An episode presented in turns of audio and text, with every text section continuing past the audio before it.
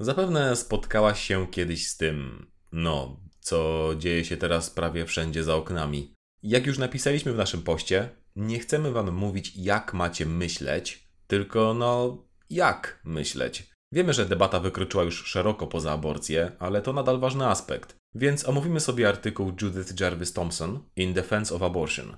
Tak, ten o skrzypku. Autorka wychodzi z dość minimalistycznej i raczej liberalnej koncepcji praw człowieka, czyli takiej, co do której jest dość powszechna zgoda. Mamy prawo do życia i do dysponowania własnym ciałem. Ale analizuje je trochę głębiej i pokazuje, że nie są tak oczywiste. A że robi to w sposób cudnie obrazowy, to omówimy tę pracę dość dokładnie. Ale uwaga, dość, czyli nawet nie w połowie. Co ciekawe, przyjmuje naszą strategię badawczą, załóżmy nawet, że to się zgadza, i uznaje argument przeciwników aborcji, że płód w dowolnym momencie jest w 100% człowiekiem, więc ma też te wspomniane prawa. Dlatego od tej pory będziemy mówić osoba nienarodzona, ale jeszcze raz, to coś innego niż zabieg retoryczny pod tytułem dzieci nienarodzone. Bo tutaj jawnie przyjmujemy to założenie, w momencie zapłodnienia zarodek staje się już człowiekiem, z pełnią ludzkich praw. I autorka dochodzi do wniosku, że nawet wtedy nie można wykluczyć aborcji, bo ze stwierdzenia płód jest pełnoprawną istotą ludzką i ma prawo do życia, nie wynika, aborcja jest niedopuszczalna. Thomson zaczyna od najsłynniejszego przykładu. Pewnego dnia budzisz się w łóżku szpitalnym obok bardzo sławnego skrzypka. Ma on schorzenie nerek, które byłoby śmiertelne. Ale Stowarzyszenie Miłośników Muzyki znalazło jedyną osobę na świecie z pasującym wzorcem krwi. Ciebie. Porwało cię pod osłoną nocy i połączyło twój układ krążenia z jego. Dzięki temu twoje nerki będą oczyszczać jego krew i skrzypek nie umrze. I teraz lekarz mówi: Słuchaj, nigdy byśmy nie dopuścili do tego, co zrobiło Stowarzyszenie Miłośników Muzyki, no ale cóż, mleko się rozlało. Teraz nie możemy cię odczepić, bo to byłoby morderstwo, a każdy człowiek ma prawo do życia. Ty masz prawo do dysponowania własnym ciałem, ale prawo do życia jest większe. Ale nic to, poczekaj tylko 9 miesięcy, aż będziemy w stanie wyleczyć jego nerki. Oczywiście to analogia do gwałtu. I pewnie wielu przeciwników zgodziłoby się, że gwałt jest wyjątkiem. Ale czemu? Czy nienarodzona osoba, która miałaby przyjść na świat z powodu gwałtu, już nie ma tego prawa do życia? No tak jakby każdy ma prawo do życia, ale w tym stwierdzeniu czegoś brakuje. I przez resztę artykułu Thomson szuka tego czegoś. Zazwyczaj skrajni przeciwnicy aborcji podchodzą do tego w taki sposób, że nawet gdyby życie kobiety było zagrożone, to aborcja byłaby morderstwem niewinnej osoby, a wstrzymanie się od niej tylko pozwoleniem na śmierć niewinnej osoby. Ale i ten argument nie jest spójny, bo wyobraźmy sobie sytuację, w której kobieta jest zamknięta w domu z szybko rosnącym dzieckiem, i, i to naprawdę szybko, powiedzmy, że jego rozmiar podwaja się co minutę, i wkrótce zmiażdży kobietę, zniszczy dom i wyjdzie rosnąć sobie dalej. Czy i w tym przypadku kobieta nie może zaatakować takiego dziecka w samoobronie? Jasne, osoba z zewnątrz może powstrzymać się od decyzji, ale kobieta nie jest osobą z zewnątrz. Podobnie lekarz może nie zechcieć odłączyć cię od skrzypka, nawet jeśli miałabyś umrzeć w wyniku tej transfuzji, ale z tego nie wynika, że sama nie masz prawa się odłączyć, bo rzekomo byłoby to morderstwo na niewinnej osobie. No ale kurde, i tak jest problem z tym patrzeniem z zewnątrz w sytuacjach zagrożenia życia, bo w przypadku aborcji nie mamy do czynienia z dwoma całkowicie równymi i niezależnymi istotami. No przykład. Załóżmy, że widzisz Nowaka owiniętego płaszczem, bo bez niego zamarznie, a obok niego Kowalskiego, który nie ma płaszcza i zamarznie. Bezstronnością byłoby stwierdzenie, że nie możesz wybrać komu ten płaszcz dać. Jednak w przypadku aborcji tym płaszczem jest ciało kobiety. Czyli, że w naszym przypadku płaszcz należy do Kowalskiego. Więc jeśli powiesz Kowalskiemu, tak, oczywiście, że to twój płaszcz, ale nie wolno nam decydować o tym, kto się nim owinie, to nie będzie bezstronność ani sprawiedliwość. No ale dobrze, załóżmy nawet, że to się zgadza i płaszcz jest Kowalskiego, ale nie możesz go zabrać Nowakowi, bo to byłby akt przemocy. Tylko z tego dalej nie wynika, że nikt nie może zabrać go Nowakowi, a tyle, że ty nie chcesz tego zrobić. Ale na przykład Jakaś policja płaszczowa nie tylko może to zrobić, a wręcz powinna. W końcu jej rolą w społeczeństwie jest pilnowanie własności płaszczy i sprawiedliwości płaszczowej. Więc zabranie płaszcza Nowakowi nie będzie niesprawiedliwością. Podobnie jak wykonanie aborcji, aby ratować kobietę. No dobrze, ale załóżmy, że życie matki nie jest zagrożone. no to chyba wtedy już nie można zrobić aborcji, bo prawo do życia jest ważniejsze od innych praw. Nie? Pozornie tak, ale co to w ogóle znaczy prawo do życia? No, najprościej znaczy to, że musimy mieć minimum tego, co potrzebujemy, aby nie umrzeć. Ale załóżmy teraz, że zachorowałem i jedynym, co może mnie ocalić, jest dotyk delikatnej i czułej dłoni Roberta Makłowicza na moim czole. Czy to znaczy, że Makłowicz jest moralnie zobligowany, aby do mnie przyjechać? No raczej nie. Znaczy, byłoby to z jego strony cholernie miło, gdyby łagodnie ukoił moje cierpienie swymi aksamitnymi palcami, ale, ale byłoby tylko miło. Nie mogę tego od niego zażądać, podobnie jak skrzypek nie może zażądać od ciebie, abyś pozostała do niego podłączona. I jeśli teraz odepniesz się od niego, bo nie chcesz spędzać z nim w łóżku powiedzmy 9 lat, to nikt na świecie nie ma prawa cię powstrzymać.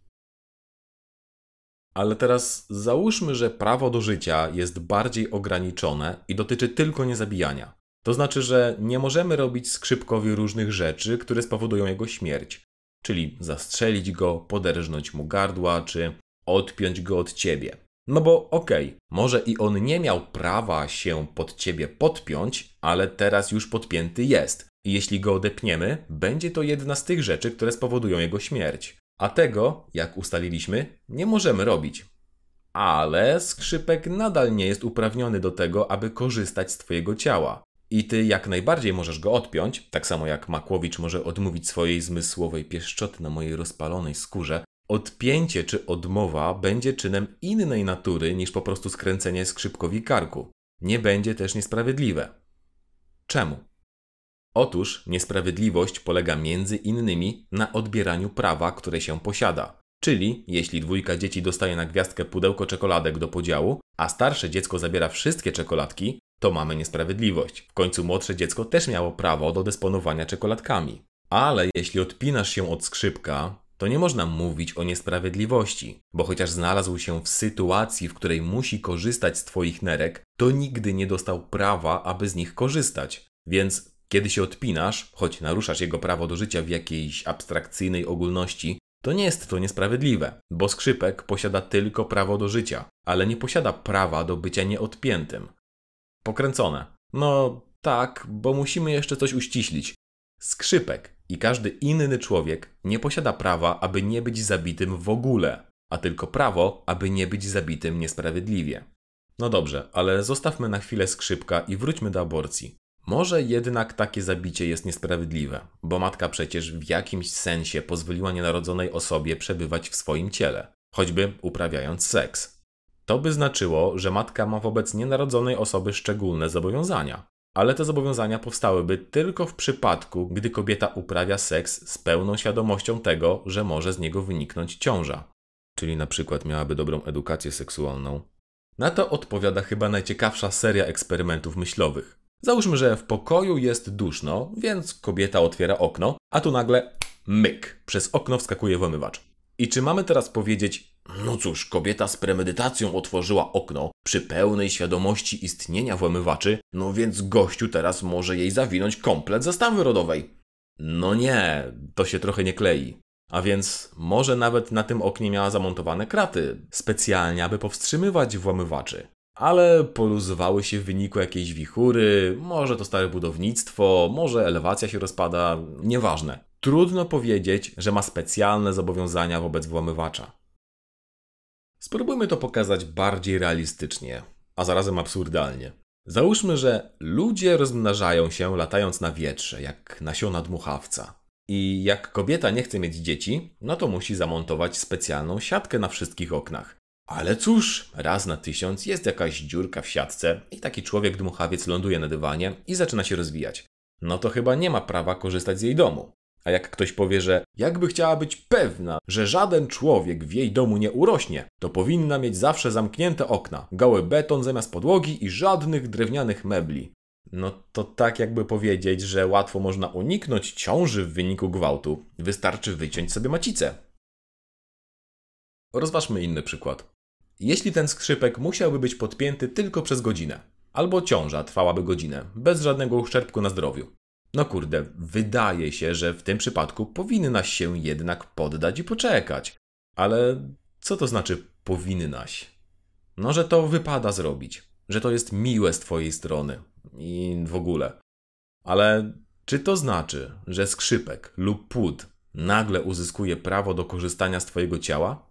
No kurde, nie, bo prawa nie mogą zależeć od łatwości ich uzyskania. Tu musimy się na chwilę zatrzymać. Prawa, o których mówimy, dotyczą sfery filozofii moralności, a nie prawa stanowionego. Na przykład, masz filozoficzne prawo do tego, żeby państwo ratowało twoje życie, jeśli zostaniesz poszkodowana w wypadku. Ale jeśli się okaże, że na przykład takie ratowanie wymaga zaangażowania całego szpitala na 24 godziny, to szpital może zgodnie z prawem stanowionym odmówić takiej opieki. To nie znaczy, że straciłaś prawo filozoficzne, a tylko, że zostało ono w tym konkretnym przypadku przesłonięte przez prawo stanowione. Więc e, wracając do przykładu z Robertem Makłowiczem. Nawet jeśli siedzi na skraju mojego łóżka, tak blisko, że upaja mnie delikatny zapach masła czosnkowego unoszący się z jego koszuli, zbyt ciasno pinającej ten tors smakosza. I o niczym innym nie mogę myśleć niż o pękających guzikach, kiedy uwalniam go od niej i szepczę mu do ucha. e, czekaj, zaraz. E, o czym to był? A. E, to było o prawach i o byciu rozpalonym w tym łóżku w inny sposób. W każdym razie, nawet jeśli siedzi obok mnie, nadal nie jest zobowiązany mi pomóc. I owszem, jeśli tego nie zrobi, złamie mi serce. A dużo ludzi napisze o nim dużo niemiłych rzeczy i w ogóle będzie można oskarżyć go o różne przywary, to jednak nie zachowa się wobec mnie niesprawiedliwie. Nie mylmy prawa, czyli tego, co musimy zrobić, z tym, co tylko zrobić wypada. A co ze specjalnym zobowiązaniem, które posiada matka wobec dziecka? Nie można o nim mówić, o ile matka nie przyjmie go pośrednio lub bezpośrednio. Czyli na przykład, jeśli matka nie będzie przeciwdziałać ciąży, ani nie będzie ubiegać się o aborcję, a donosi dziecko i nie odda go do adopcji, to wtedy możemy mówić o świadomym podjęciu zobowiązania. To oczywiście zupełnie inna sytuacja niż czysto biologiczny proces ciąży spowodowany na przykład problemem ze środkami antykoncepcyjnymi, to już żadne zobowiązanie nie jest. Na koniec jeszcze kilka ciekawych myśli, czyli czy autorka uważa, że aborcja jest zawsze dozwolona? Nie, absolutnie. Uważa, że mamy jakieś minimalne zobowiązania dotyczące ratowania życia innych i że, chociaż jej argumenty traktują każdą sytuację aborcji porówno, to w zupełnie innym stopniu odnoszą się do przypadku np. kobiety, która chce usunąć siedmiomiesięczną ciążę tylko dlatego, że nie chce przełożyć wycieczki zagranicznej. Czyli, że jest pewien standard, którego powinniśmy się trzymać, a który nazywa byciem minimalnie przyzwoitym Samarytaninem. A po drugie, nawet jeśli porównywaliśmy tutaj aborcję do zabijania, to są to jednak dwie różne rzeczy. I gdyby na przykład okazało się, że jakimś cudem medycznym udałoby się bez uszczerbku na zdrowiu wydobyć taką nienarodzoną osobę, to należałoby wykonać tę procedurę, a matka nie miałaby prawa do aborcji. Bo pamiętajmy, że matka nie posiada żadnego prawa dysponowania życiem takiej nienarodzonej osoby. Warto przytoczyć jeszcze podsumowanie całości. W tym momencie należy jednak pamiętać, że w tej pracy tylko udawaliśmy, że płód jest istotą ludzką od chwili poczęcia. Bardzo wczesna aborcja z pewnością nie jest zabiciem osoby i dlatego nie dotyczy jej nic, co tu powiedziałam. I co? Dobre argumenty i przeciwnicy aborcji zaurani na wieki wieków? A no nie, bo ten artykuł ma prawie 50 lat, a dyskusja o aborcji trwa nadal. Bo to nie ma być zamknięcie tematu, a po prostu sposób, jak można na to patrzeć, aby myśleć trochę głębiej. I w ten sposób dotarliśmy do końca naszego materiału. Mam nadzieję, że nie przeszkadzał Wam brak ilustracji, ale zależało nam na czasie, a one są dość czasochłonne. A w sumie możecie dać znać w komentarzach, jak Wam się taka forma podoba. Po drodze możecie też nacisnąć polubienie czy coś. Nie wiem, jak te YouTube działają. Dobra, ja kończę, a Wy uważajcie na siebie.